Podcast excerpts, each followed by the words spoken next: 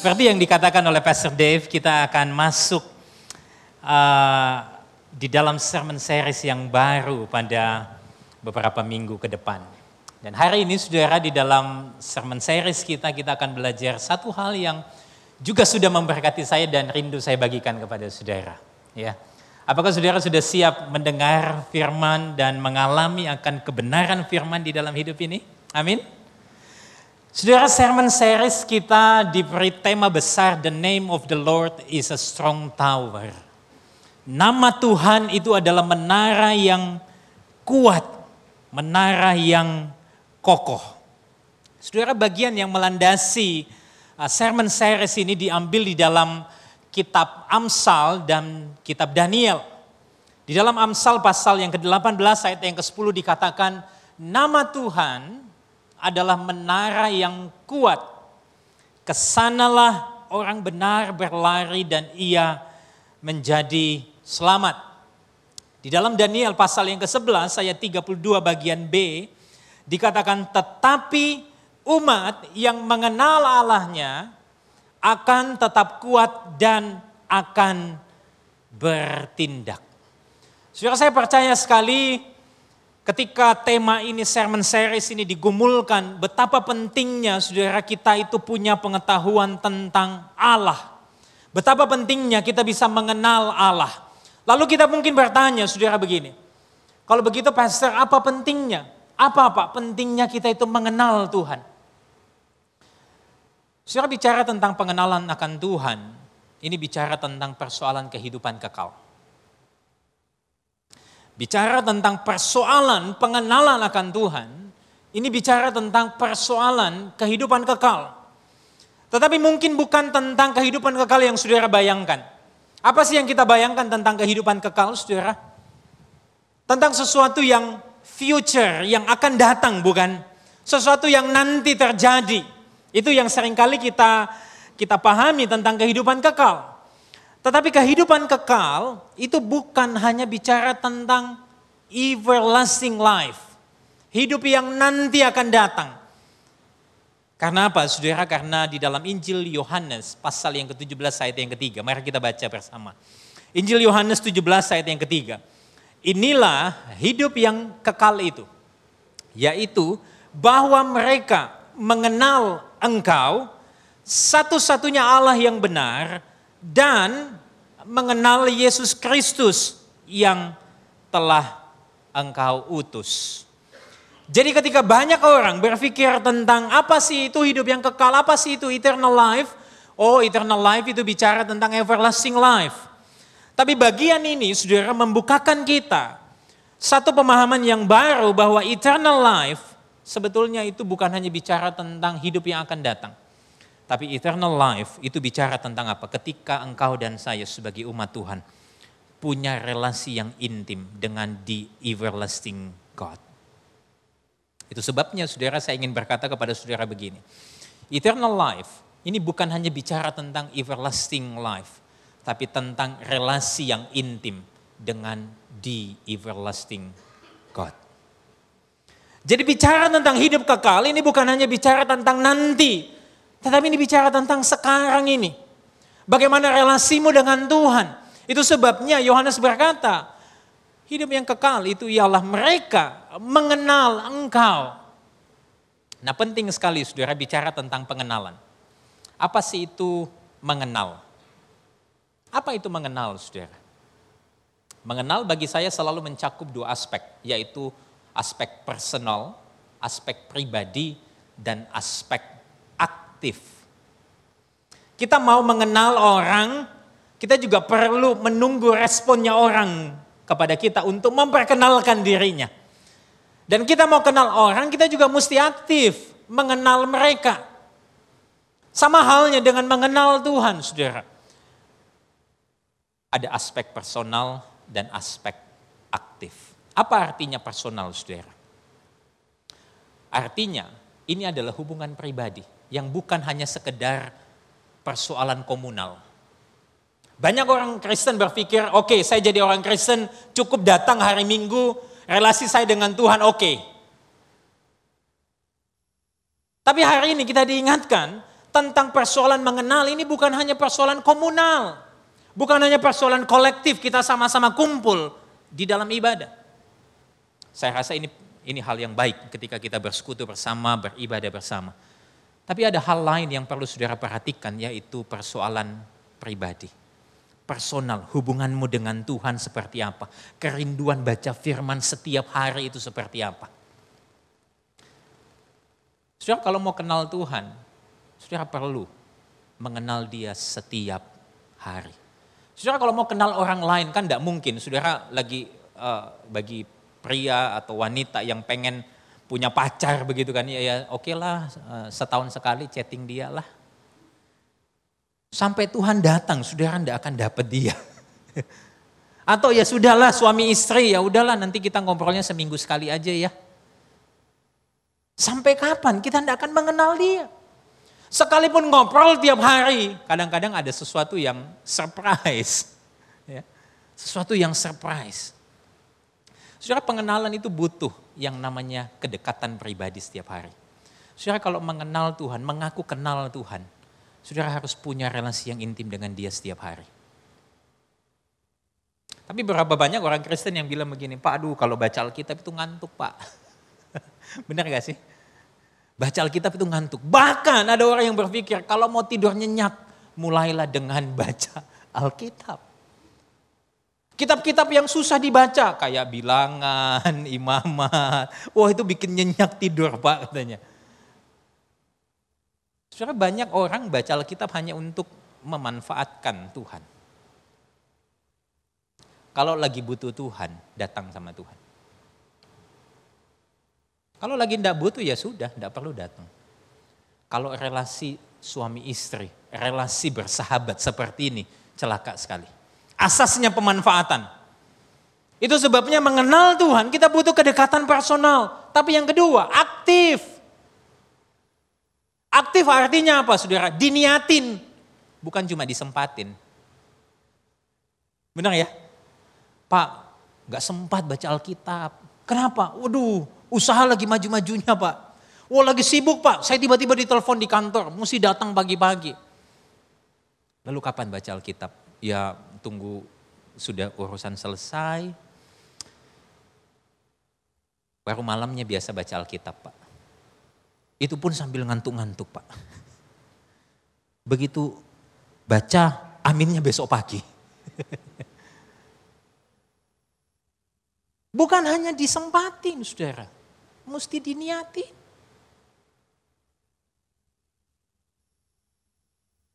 Tapi saudara, ada satu hal yang perlu kita perhatikan begini. Kita kenal Tuhan, kita bisa kenal Tuhan bukan karena pengetahuan kita, Bukan karena diri kita bisa kenal Tuhan. Tapi karena apa? Tuhan yang memperkenalkan dirinya terlebih dahulu kepada kita. Sehingga kita bisa kenal dia. Tanpa itu saudara, pengenalan kita tidak akan bisa sempurna. Pengenalan kita akan terdistorsi. Kita akan keliru mengenal Tuhan.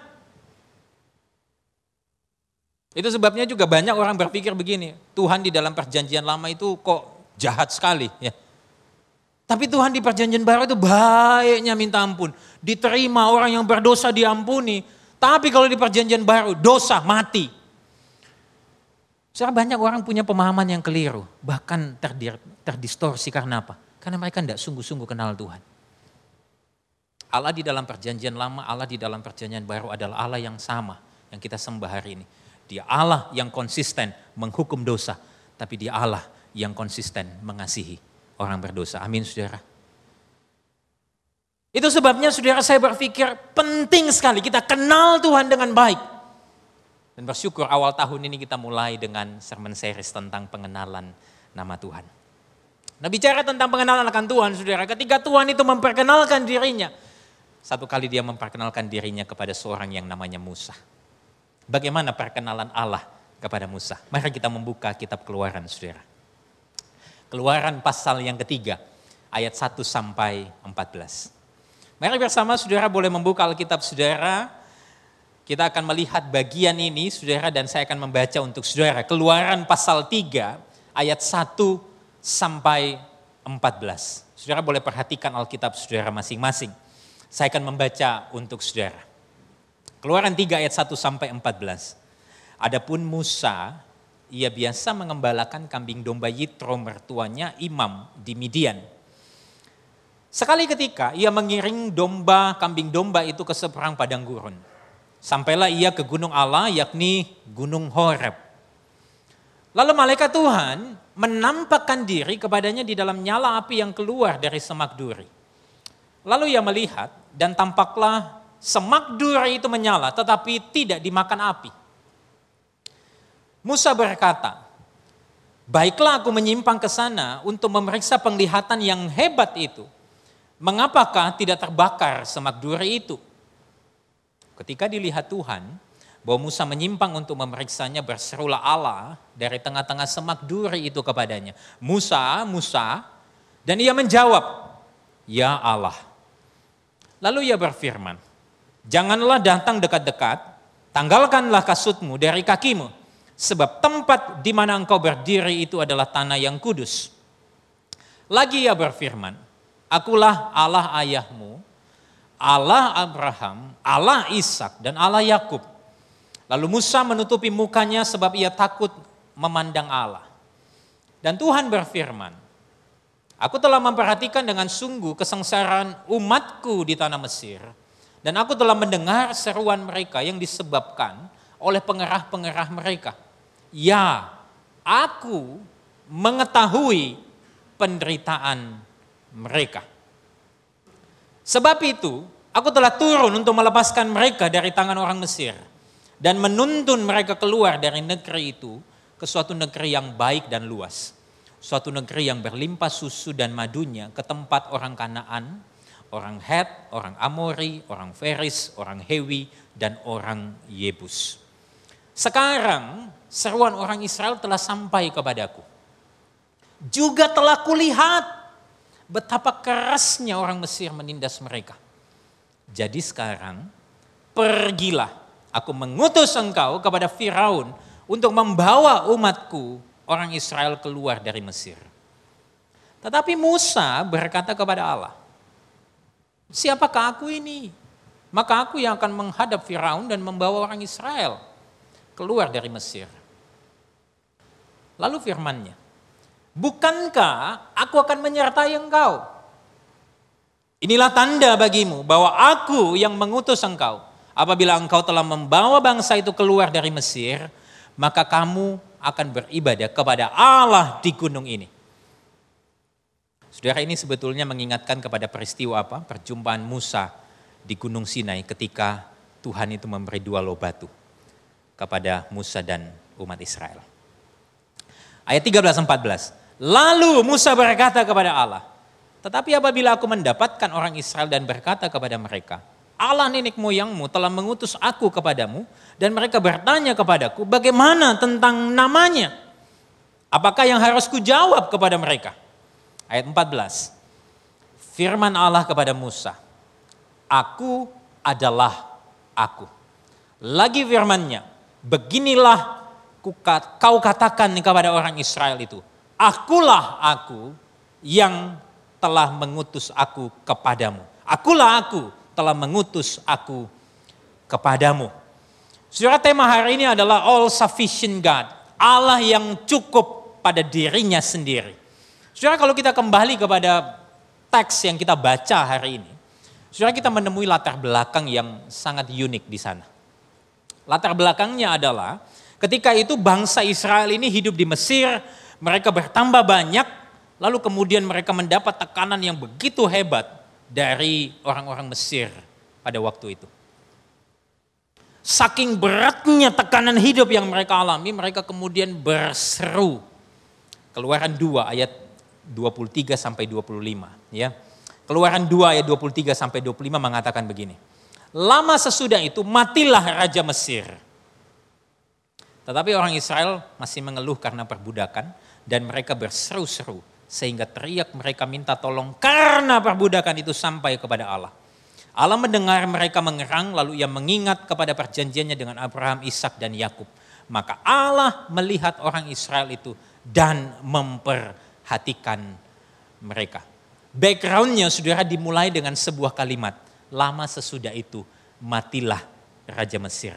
Ada satu penekanan yang penting di situ saudara. Menunjukkan apa? Manusia itu hidupnya sementara. Sedangkan Allah yang melihat, Allah yang mendengar, Allah yang memperhatikan, dia Allah yang kekal.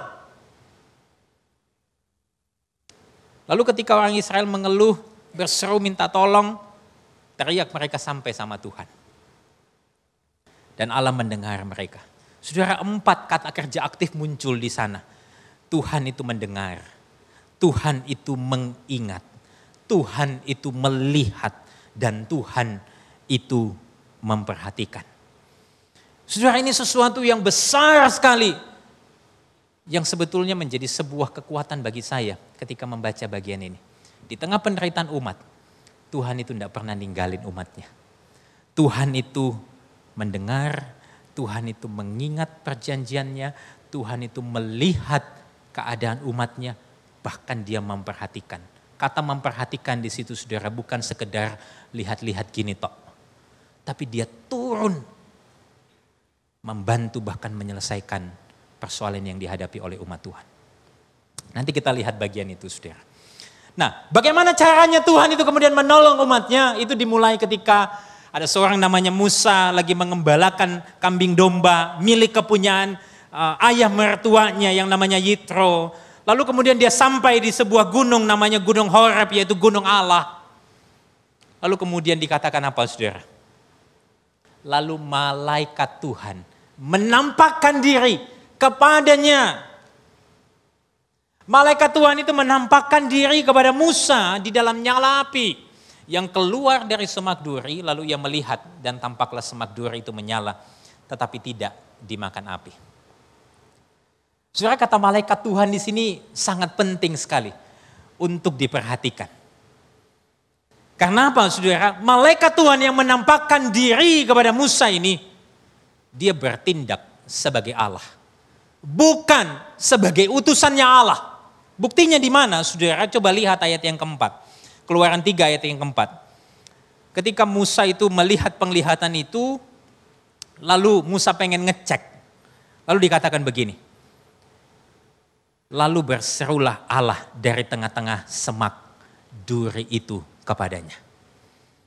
Malaikat Tuhan yang menyatakan diri kepada Musa itu kemudian berbicara sebagai Allah, bukan hanya sebagai utusan Allah. Ini penting sekali saudara di dalam pemahaman kita secara utuh tentang Allah Tritunggal. Karena apa? Banyak orang berpikir, oh di dalam perjanjian lama yang muncul itu hanya Allah Bapa. Nanti di dalam perjanjian baru, baru Allah Anak dan Allah Roh Kudus.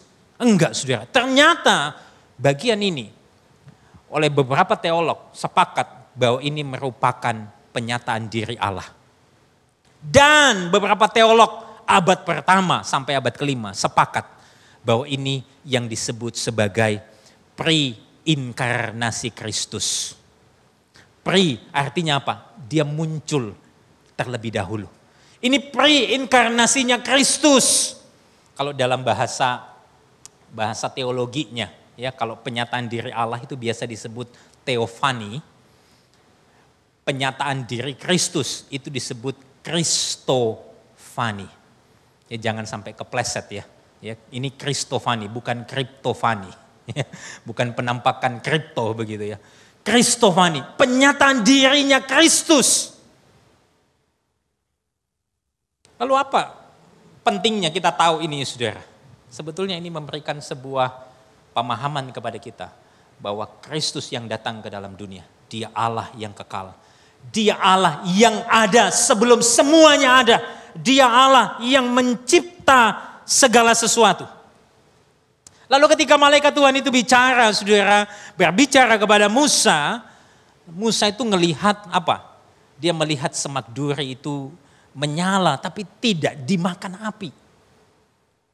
Saudara kalau kalau hukumnya semak duri campur sama api yang terjadi kebakaran, pasti terbakar.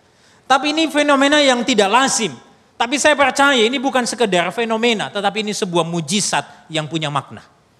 Maknanya apa saudara? Apa maknanya sebuah semak duri yang menyala tidak terbakar oleh api? Maknanya saudara, seorang penafsir, dia berkata begini. Tanda ajaib ini sebetulnya menunjukkan kekekalan dan kemandiriannya Tuhan. Seperti semak yang terbakar, kekuatannya itu tidak pernah habis. Kemuliaannya tidak pernah redup. Keindahannya tidak pernah pudar. Terangnya bahkan abadi. Ini karena apa? Dia tidak mendapat kekuatannya dari siapa pun atau apa pun di luar dirinya. Dia sepenuhnya ada dan mandiri di dalam wujud abadinya. Saudara semak duri yang menyala yang tidak terbakar, tidak dimakan oleh api. Itu menunjukkan tentang kemuliaan Tuhan. Terangnya Tuhan yang tidak pernah redup. Keindahannya yang tidak ada pernah habisnya. Kekuatannya yang tidak pernah melemah. Saudara kita ini manusia kan butuh yang namanya rest. Ya, butuh yang namanya istirahat. Ya. Tanggal 1 kemarin saudara saya sepedaan. Ya. Uh, kalau kami itu sepedanya filosofinya gospel. Ya, sama seperti gereja ini. Goes pelan-pelan. Ya. Gospel, goes pelan-pelan ya. Pelan-pelan goes. Tapi kali ini istri saya nggak ikut. Uh, jadi pagi-pagi bangun, teman-teman yang ikut sepeda itu udah telepon, ini konatan kok enggak, enggak datang-datang. Saya bilang sorry, tadi malam aku ketiduran, tidur lebih larut jadi bangun agak siang dikit. Ayo kok, ayo cepetan, nyusul aja. Jadi saudara saya naik sepeda, kalau saudara suka sepedaan di daerah uh, apa depannya PTC itu ada rute namanya Pakuwon Hill, itu kan rute tanjakan itu. ya. Nah saya naik seli nih sepeda lipat, saudara bisa bayangin ya, seli ban ukuran 16, naik tanjakan sendirian. Wah.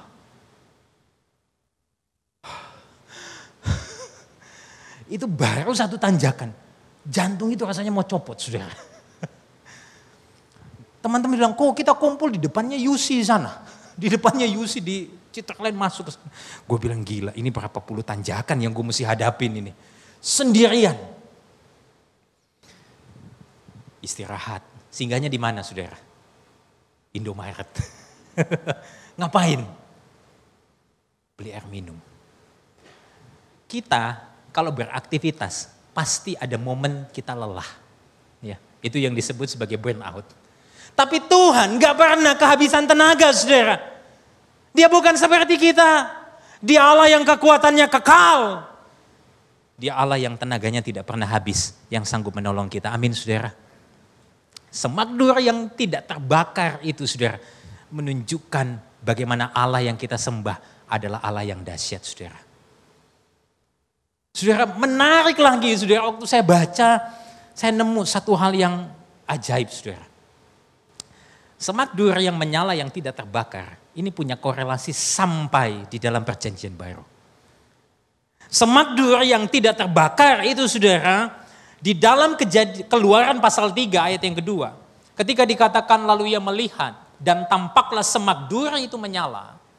Kalau saya ngecek, waktu saya ngecek bahasa Ibraninya, itu dikatakan semak duri itu menyala, itu di dalam bahasa Ibraninya boer baes. Tetapi tidak dimakan api, bahasa Ibraninya itu eneni ukal. Kita coba lihat, compare dengan Yeremia 20 ayat 9. Yeremia 20 ayat 9, ini dilatar belakangi dengan sebuah keadaan. Yeremia itu kelelahan melayani Tuhan. Dia bilang aku tidak kuat lagi Tuhan. Cukup. Tapi di dalam ayat ke-9 dikatakan begini. Tetapi apabila aku berpikir, aku tidak mau mengingat dia. Dan tidak mau mengucapkan firman lagi demi namanya. Maka dalam hatiku ada sesuatu yang seperti api yang menyala nyala. Dalam bahasa Ibraninya, kes boeret. Lalu dikatakan, terkurung dalam tulang-tulangku. Aku berlelah-lelah untuk menahannya. Tetapi aku tidak sanggup. Kalau terjemahan literalnya, aku tidak sanggup mematikan api itu. Sama persis dengan apa? Keluaran tiga, ayat yang kedua. ketika Musa melihat semak duri itu yang menyala, tetapi apa? Tidak dimakan api. Saudara, keindahan ini sebetulnya ingin menyampaikan satu berita kepada kita, bahwa tidak ada yang seperti Allah kita. Tidak ada yang bisa menandingi kuasanya, kemuliaannya, keindahannya, bahkan tidak ada yang sanggup menahan kuasanya, termasuk ketika dia menyertai Yeremia. Untuk apa? Untuk berbicara kepada umatnya. Api yang membuat semak duri menyala tidak bisa dipadamkan oleh Musa dan bahkan tidak akan pernah habis. Api yang berkobar di hati Yeremia di dalam kelelahannya saudara. Tidak kuasa dipadamkannya. Dan itu tidak henti-hentinya berkobar. Lalu saudara sampai kepada kisah Rasul pasal kedua. Ayat 2 sampai 3. Di sana dikatakan tiba-tiba turunlah dari langit suatu bunyi seperti tiupan angin keras yang memenuhi seluruh rumah di mana mereka duduk dan tampaklah kepada mereka lidah-lidah seperti apa? Nyala api yang bertebaran dan hinggap pada mereka masing-masing. Nyala api yang turun kepada orang percaya pada waktu itu tidak menghanguskan mereka. Tetapi justru memampukan mereka untuk menyaksikan perbuatan Allah yang besar melalui diri anaknya yang tunggal yaitu Kristus Yesus. Sama seperti Yeremia yang tidak bisa memadamkan kobaran api di dalam hatinya. Saudara saya percaya, demikian juga setiap umat Tuhan yang hidup di dalam persekutuan yang intim dengan Allah akan ada kobaran semangat yang tidak henti untuk mengabarkan tentang Kristus. Akan ada kobaran semangat untuk memberitakan Injil kepada orang lain. Itulah sebabnya setiap minggu kita diingatkan, ayo sharing gospel kepada orang. Ajak mereka. Saudara orang-orang yang punya pengenalan yang benar akan Allah. Akan tinggal api yang terus menyala. Yang membuat mereka tidak akan bisa lelah. Dan berkata Tuhan aku tidak cap, aku capek, aku tidak kuat lagi. Tapi ketika Allah itu menerangi, berkobar di dalam hidupmu, di dalam hatimu, saudara tidak akan pernah lelah. Di dalam apa? Melayani Tuhan, mengasihi Tuhan, dan menyatakan kemuliaan Tuhan. Amin saudara. Lalu saudara ketika Musa itu lihat semak duri yang tidak terbakar itu. Dia pengen ngecek. Dia kepo. Dia lihat ini apa ya. Lalu dikatakan saudara. Waktu Tuhan lihat Musa nyimpang memeriksa semak duri itu. Tuhan berseru begini. Musa, Musa. Saudara ini penting, saya beri uh, highlight untuk ini. Musa, Musa. Dan ia menjawab, ya Allah. Lalu ia berfirman, janganlah datang dekat-dekat, tanggalkan kasutmu dari kakimu. Sebab tempat di mana engkau berdiri itu adalah tanah yang kudus. Lalu Musa karena tahu itu, dia menutupi mukanya sebab ia takut. Api yang menyala itu menandakan kekudusan Tuhan. Dan Musa sadar dia orang berdosa. Itu sebabnya Tuhan bilang, kamu tidak boleh dekat-dekat situ. Musa tutup mukanya sebab ia takut. Sebetulnya ini menandakan apa saudara? Ini menandakan ada pemisah antara Allah yang kudus dan manusia yang berdosa. Tidak seorang pun dapat menghampiri Allah tanpa Allah yang menghampiri mereka. Tidak seorang pun bisa mengenal Tuhan kalau Tuhan tidak memperkenalkan dirinya kepada mereka. Tapi good newsnya saudara, good newsnya Ketika Musa itu kepo, lihat semak duri itu. Tuhan panggil dia, Musa. Musa. Good newsnya, Allah selalu berinisiatif menghampiri kita di dalam keberdosaan kita. Dan Allah mengenal umatnya. Allah kenal Musa. Saudara, kalau baca bagian ini, ada nggak Musa itu bilang, Tuhan aku ini Musa. Aku lagi pengen deket-deket nih, pengen lihat. Nggak ada saudara. Ketika Musa itu pengen menghampiri dan Allah melihat. Lalu Tuhan panggil, Musa, Musa. Saudara ini merupakan good news bagi saya. Ketika saya merenungkan bagian ini saya diingatkan. Sebelum kita itu datang sama Tuhan, Tuhan itu sudah datang terlebih dahulu kepada kita. Sebelum kita kenal Tuhan, Tuhan yang justru memperkenalkan dirinya kepada kita. Dan ajaibnya saudara, Tuhan itu kenal kita satu persatu. Dia bisa menyebut nama kita satu persatu. Sama seperti Tuhan menyebut nama Musa. Dan ini saudara mengingatkan saya kebenaran di dalam Alkitab yang lain yang dikatakan begini. Dalam Yeremia 1 ayat 5. Sebelum aku membentuk engkau dalam rahim ibumu, aku telah mengenal engkau. Mazmur 139 ayat 1 dan 2, Daud pernah berkata, Tuhan engkau menyelidiki dan mengenal aku. Engkau mengetahui kalau aku duduk atau aku berdiri. Engkau mengerti pikiranku dari jauh. Engkau mengerti pikiranku dari jauh, saudara.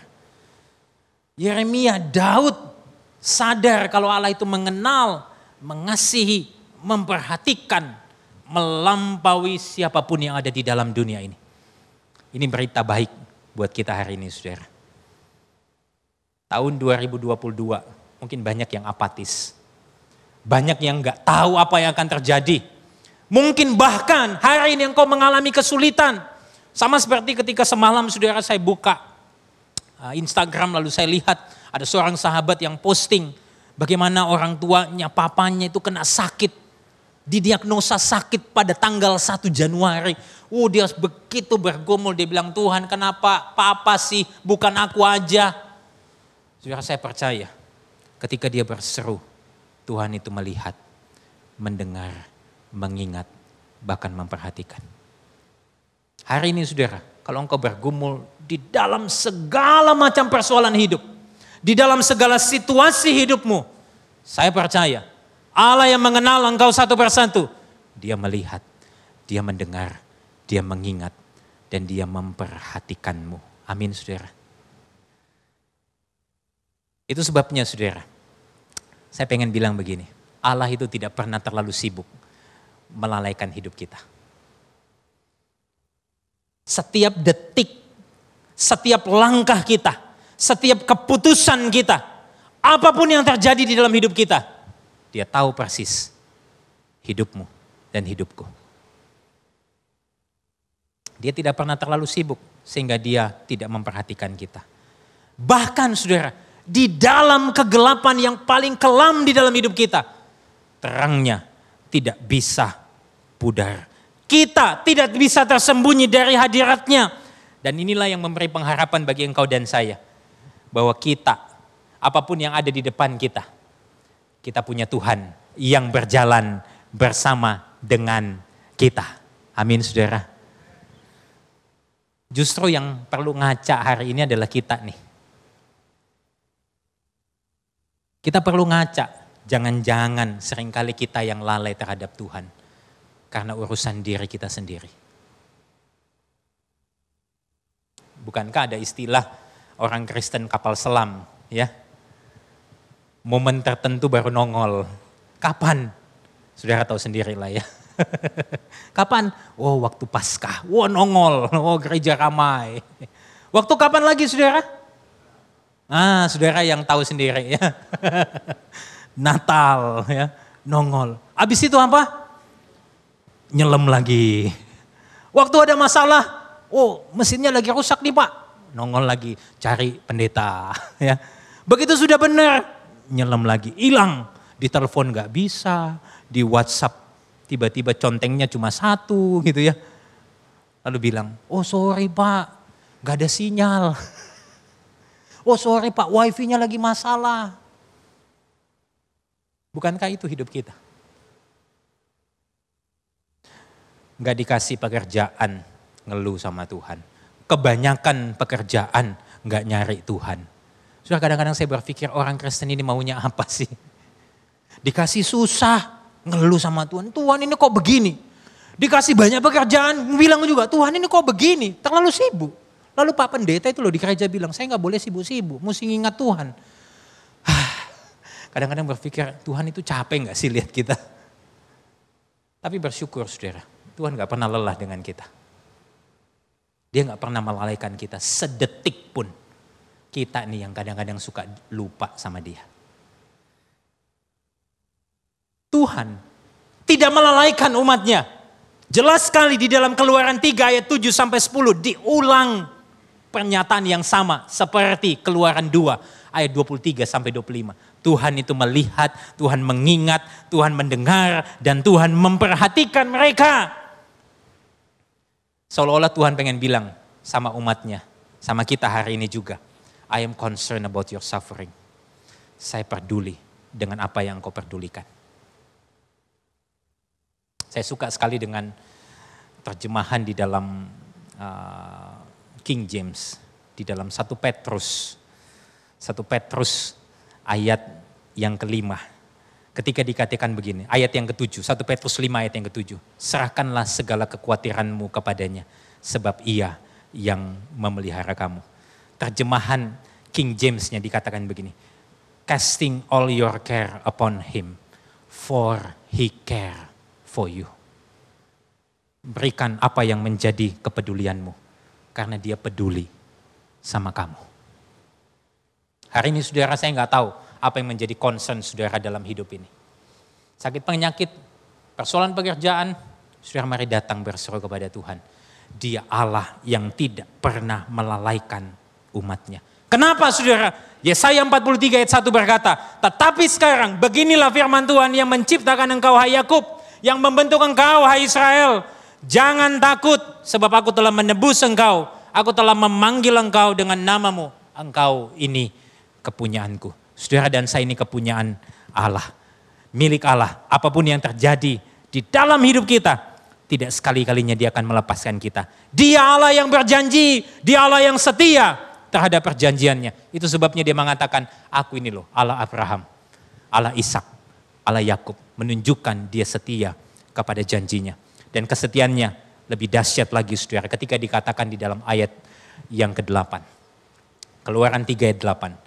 Sebab itu aku telah turun untuk melepaskan mereka. Frasa aku telah turun ini mengingatkan kita pada sebuah kejadian ketika Adam dan Hawa itu jatuh dalam dosa. Tuhan turun tangan.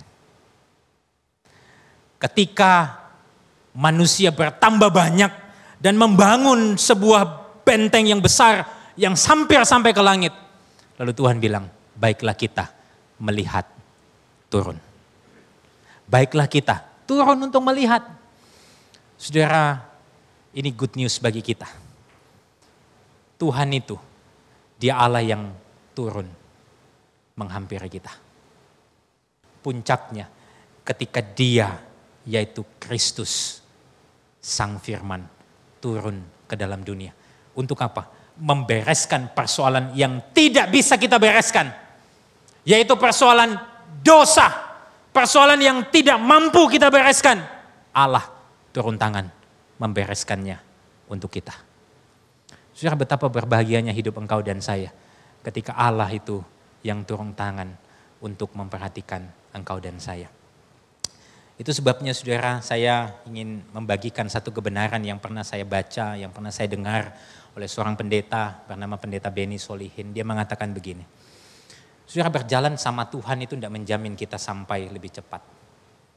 Tapi kita akan sampai di tempat yang tepat.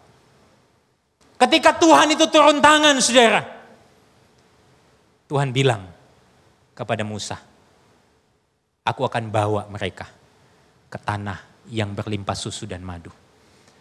Ketika Tuhan turun tangan atas hidupmu, dia memberi jaminan. Jaminannya bukan sekedar kelimpahan, tapi apa? Persekutuan dengan Allah. Dan di sanalah saudara akan menemukan sukacita yang limpah, yang tidak ada habisnya. Damai sejahtera yang sempurna, yang membuat saudara tidak akan perlu khawatir akan apa pun di dalam dunia ini. Itu sebabnya saudara, saya mendorong saudara betul-betul serius di tahun ini punya tekad untuk mengenal dia. Saudara keyakinan ini saudara meyakinkan menguatkan kita bahwa di tahun-tahun yang akan datang mulai hari ini saudara apa pun yang terjadi tidak ada yang bisa memisahkan kita dari kasih Allah. Karena apa saudara? Allah yang kita sembah Allah yang sudah menjamin hidup kita. Dia menjamin hidup kita karena karyanya Kristus yang sempurna yang membawa kita ke dalam sebuah persekutuan dengan Bapa di surga kelak. Injil Yohanes saudara pasal yang ke-10 ayat 28 29 berkata begini. Mari kita baca bersama. Dan aku memberikan hidup yang kekal kepada mereka.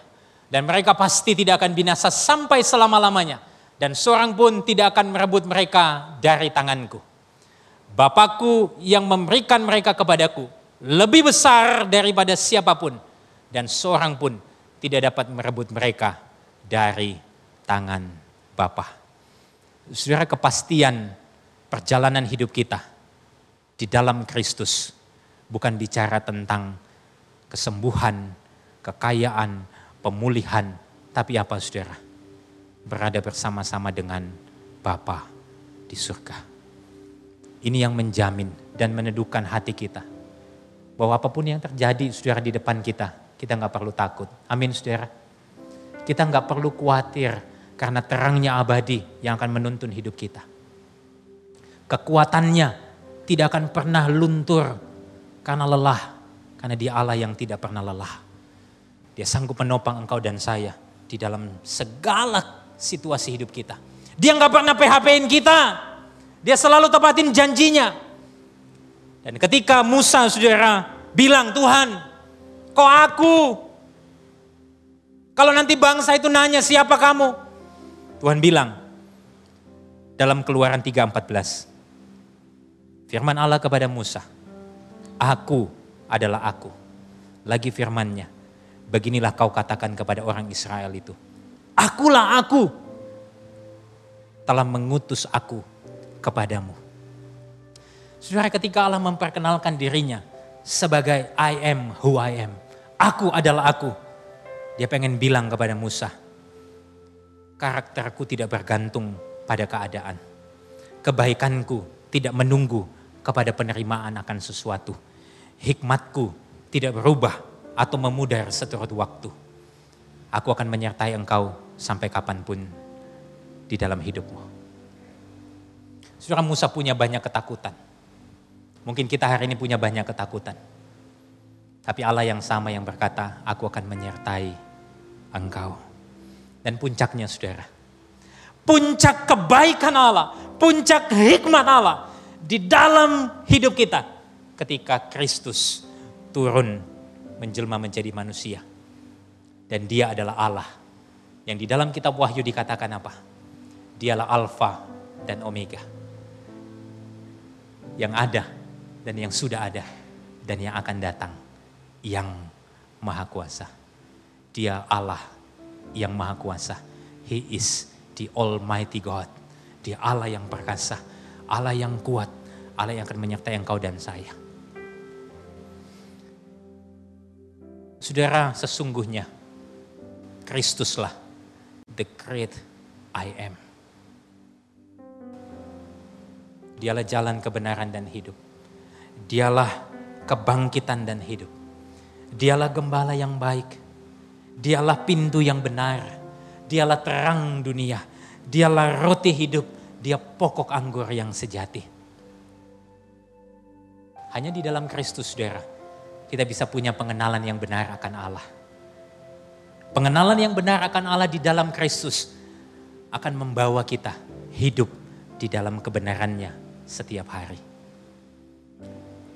Dan ketika saudara hidup di dalam kebenarannya setiap hari, saudara akan berkata seperti Daud berkata, sekalipun aku berjalan dalam lembah kekelaman, aku tidak takut bahaya, sebab engkau besertaku.